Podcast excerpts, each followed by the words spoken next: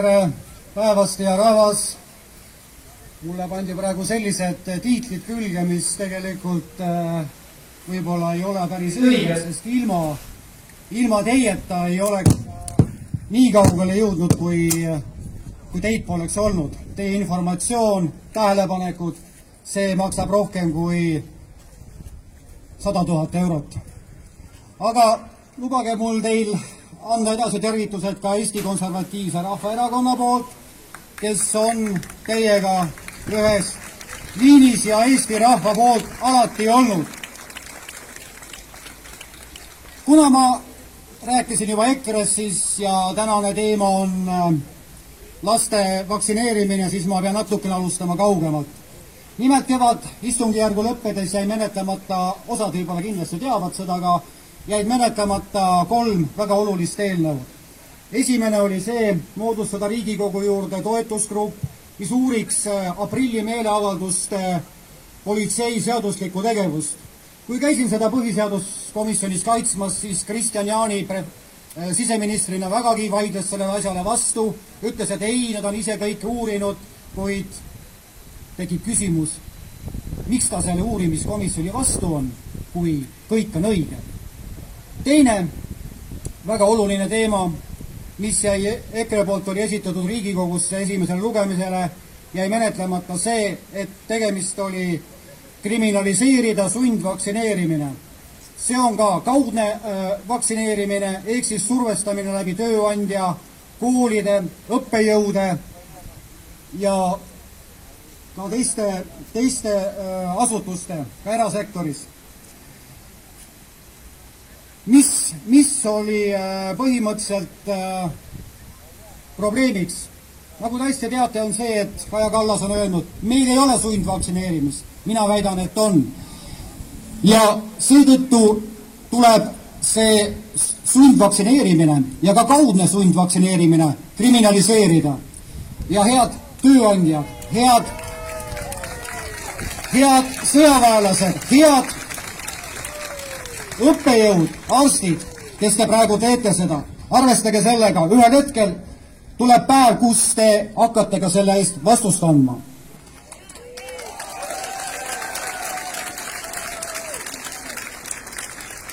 kolmas, kolmas oluline teema, mis äh, mida me tahame seadustada, on see, et kriminaliseerida siis äh, meditsiiniliste ja teaduskatsete tegemine ilma inimese nõusolekuta, sellepärast et see on ju kirjas põhiseaduses.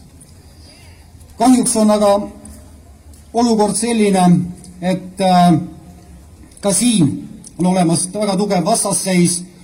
minister Tanel Kiik ütleb, et ei, meil on kõik korras, meil on tingimuslik äh, ravimi müügiluba. ja kui ma küsin, mis see tingimused on, siis vastust ma ei saa saatsin siis kirja ka Jaak Aabile, eh, kes eh, oli hetkel peaministri asetäitja ja tema käest sain vastuse, mitte tema käest, aga tema ühe eh, koda, ühe alluva käest sain vastuse, et tegemist on salajase dokumendiga, mida pole võimalik, mida pole võimalik siis avaldada. küsin teie käest, et kuidas on võimalik, et Riigikogu liige, kes tegeleb seadusloomega, ta ei tohi teada, mida sisaldab see leping, aga ametnikud, anonüümsed ametnikud, need teavad kõike. kui te tahate öelda, et see ei ole süvariik, siis ma küsin, mis see siis on? aga vaatamata sellele, et, et me seda lepingut veel ei ole kätte saanud, ma rõhutan, veel, on ka praeguste olemasolevate tõendite põhjal olemas kindlad väited, et inimeste peal tehakse meditsiinilise teaduskatse. Äh, võtan näiteks AstraZeneca, mille kohta me, millega me lähemegi siis nii-öelda Riigikogusse. ma ei tea, palju teist on lugenud äh, ravimi infolehte, kes on vaktsineeritud olnud, ma ei tea seda. aga kes viitsib lugeda, saab palju teada. aga muidugi ka kõike seal sisalduvat pole teile kunagi näidatud ega antud. mina sain selle kätte. ja kuulake sellele ravimile kohaldatakse täiendavat järelevalvet, mis võimaldab kiiresti tuvastada, rõhutan, uut ohutusteavet. Covid-19 vaktsiini AstraZeneca ohutus ja efektiivsus lastel ning alla kaheksateist aasta noorukitel ei ole veel tõestatud, andmed puuduvad. vaktsiini pakutava kaitse kestus ei ole teada, sest asjakohalised kliinilised uuringud veel on käimas. Olemasolevad andmed kliinilistes uuringutes ei võimalda hinnata vaktsiini efektiivsust üle viiekümne viie aastatel isikutel koostoimed teiste ravimitega on teadmata ja pole uuritud. kas on siin platsil ja üldse olemas ka siin meedia vahendusel vaatavate inimeste hulgas neid, kes tahaksid selle peale öelda, et tegemist ei ole meditsiiniliste katsetega ja Eesti Konservatiivne Rahvaerakond soovib selle baasil seda kriminaliseerida muide ka inimõiguste konventsiooni artikkel viis lõige kaks ning artikkel kuusteist punkt neli viis kohaselt on keelatud inimeste peal katsete tegemine ilma kirjaliku teavituseta ning kirjaliku nõusolekuga. Öelge palju, kes te olete ka siin vaktsineeritud, kelle käest on küsitud sellekohast nõusolekut? Ma võin väita, et mitte üheltki äh, on olemas selline väga huvitav äh, komisjon nagu immunoprofülaktika komisjon ja kes võtab vastu otsuseid, millega siis inimesi hakatakse millal vaktsineerima, millist vanusegruppi ja nii edasi. ma tean, et ERR on üritanud nende inimeste nimekirja kätte saada ja suure summaga tal vist õnnestus, aga siis tuli kohe täiendus, et see nimekiri ja see on vist aasta aega tagasi. aga miks ma räägin sellest immunoprofülaktika komisjonist? kevadel märtsis, kaheksateist märts otsustas seesama komisjon hinnata äh, AstraZeneca vaktsiini kasu ja riskisuhet ja leidis, et see on jätkuvalt positiivne. ja otsustati märtsikuus, kui meil oli juba teada, et üle viiekümne viie aastaste äh, osas ja selle efektiivsuse osas ei ole meil täiendavaid andmeid õigeid, otsustati kasutada AstraZeneca Seneca vaktsiini lähinädalatel eelkõige üle kuuekümneaastaste inimeste Covid-19 vastaseks vaktsineerimiseks. mis järgnes? teate väga hästi, mis järgnes? ootamatud tervisekahjustused kõrvaltoimete mõjul, ei puudu ka äkksurmad, aga ega ju seda, sellest meile keegi ei räägi. Öeldakse, et see ei ole tingitud sellest. mis vea tegi siis see komisjon? kõigepealt ta lubas need katsed läbi ilma inimesi, inimesi teavitamata. teiseks, eksiti vaktsinoloogia põhitõdede vastu. Üle neljakümne aasta äh, epidemioloogina töötanud Antoniina Järviste on öelnud, et esimese kursuse üliõpilastele õpetatakse, et epideemia ajal ei tohi vaktsineerida, sest see tekitab uusi virulentsemaid tüvesid kui algne tüvi raugeb, siis vaktsineerimisega tekib tüvesid juurde. aga nemad seda tegid. ja me ei tea ikkagi nende nimesid, kes sinna kuuluvad. Ja kes on nende otsuste taga ja kes võtab vastutuse. enne kui ma lähen tänase päevateema juurde, laste vaktsineerimine, küsin teie käest, hea rahvas, ühe küsimuse. Öelge, kui te looduses, metsikus looduses satute äkki karupoegade ja karuema vahele, mis te arvate, mis on tulemus sellele? heal juhul, kui te üldse pääsete sealt eluga, sest karuema läheb oma lapsi kaitsma. Aga nüüd on seesama immunoprofülaktika komisjon oma käed sirutanud meie laste järele, soovitades neid vaktsineerida möödunud kuul, kuuendal, kuuendal äh, juulil, juunil äh, otsustati järgmine.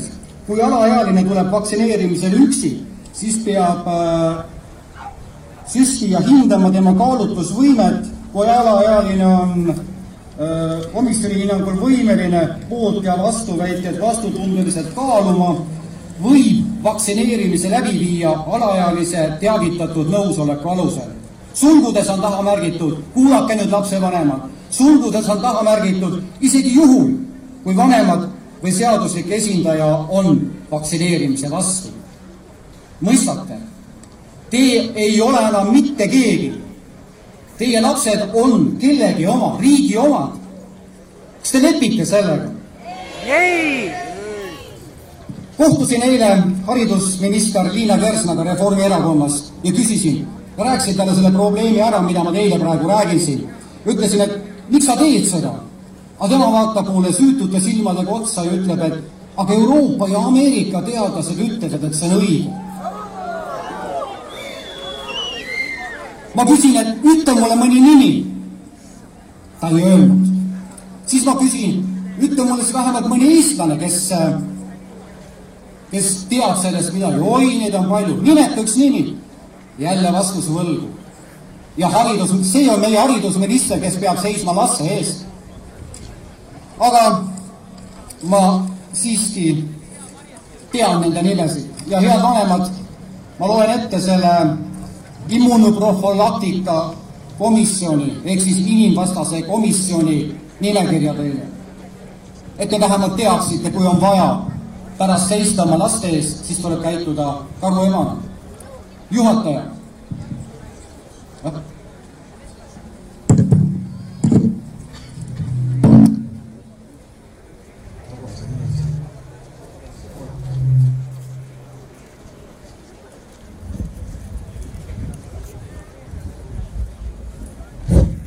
Nonii, kas nüüd on ka takkumisridades kuulda?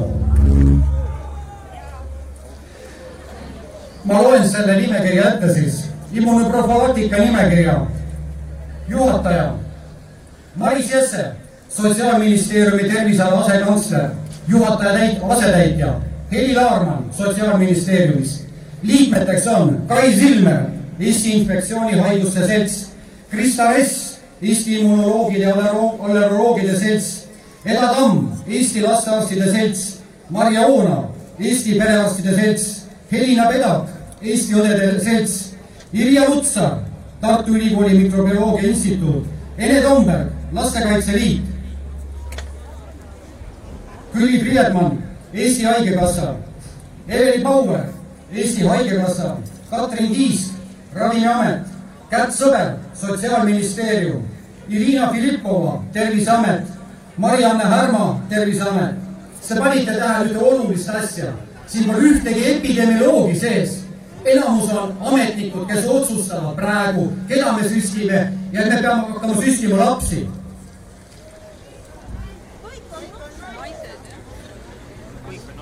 mulle tuleb millegipärast jälle see karu ema jutt meelde, mida ma hetk tagasi rääkisin. te oletegi nagu sellised, kes ei hooli oma lastest?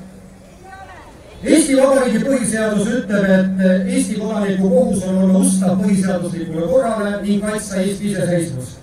kui muid vahendeid ei leidu, on igal Eesti kodanikul õigus otsustada põhiseadusliku korra vägivaldsele muutmisele omaalgatuslikku vastupanu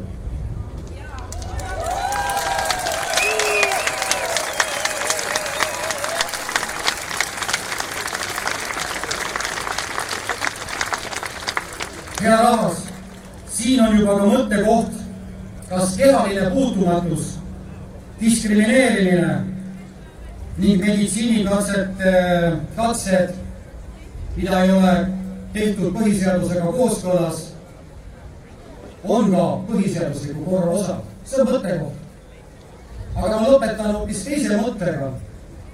minu meelest karuema ilmselt teaks küll vastust, aga kas teie teate? aitäh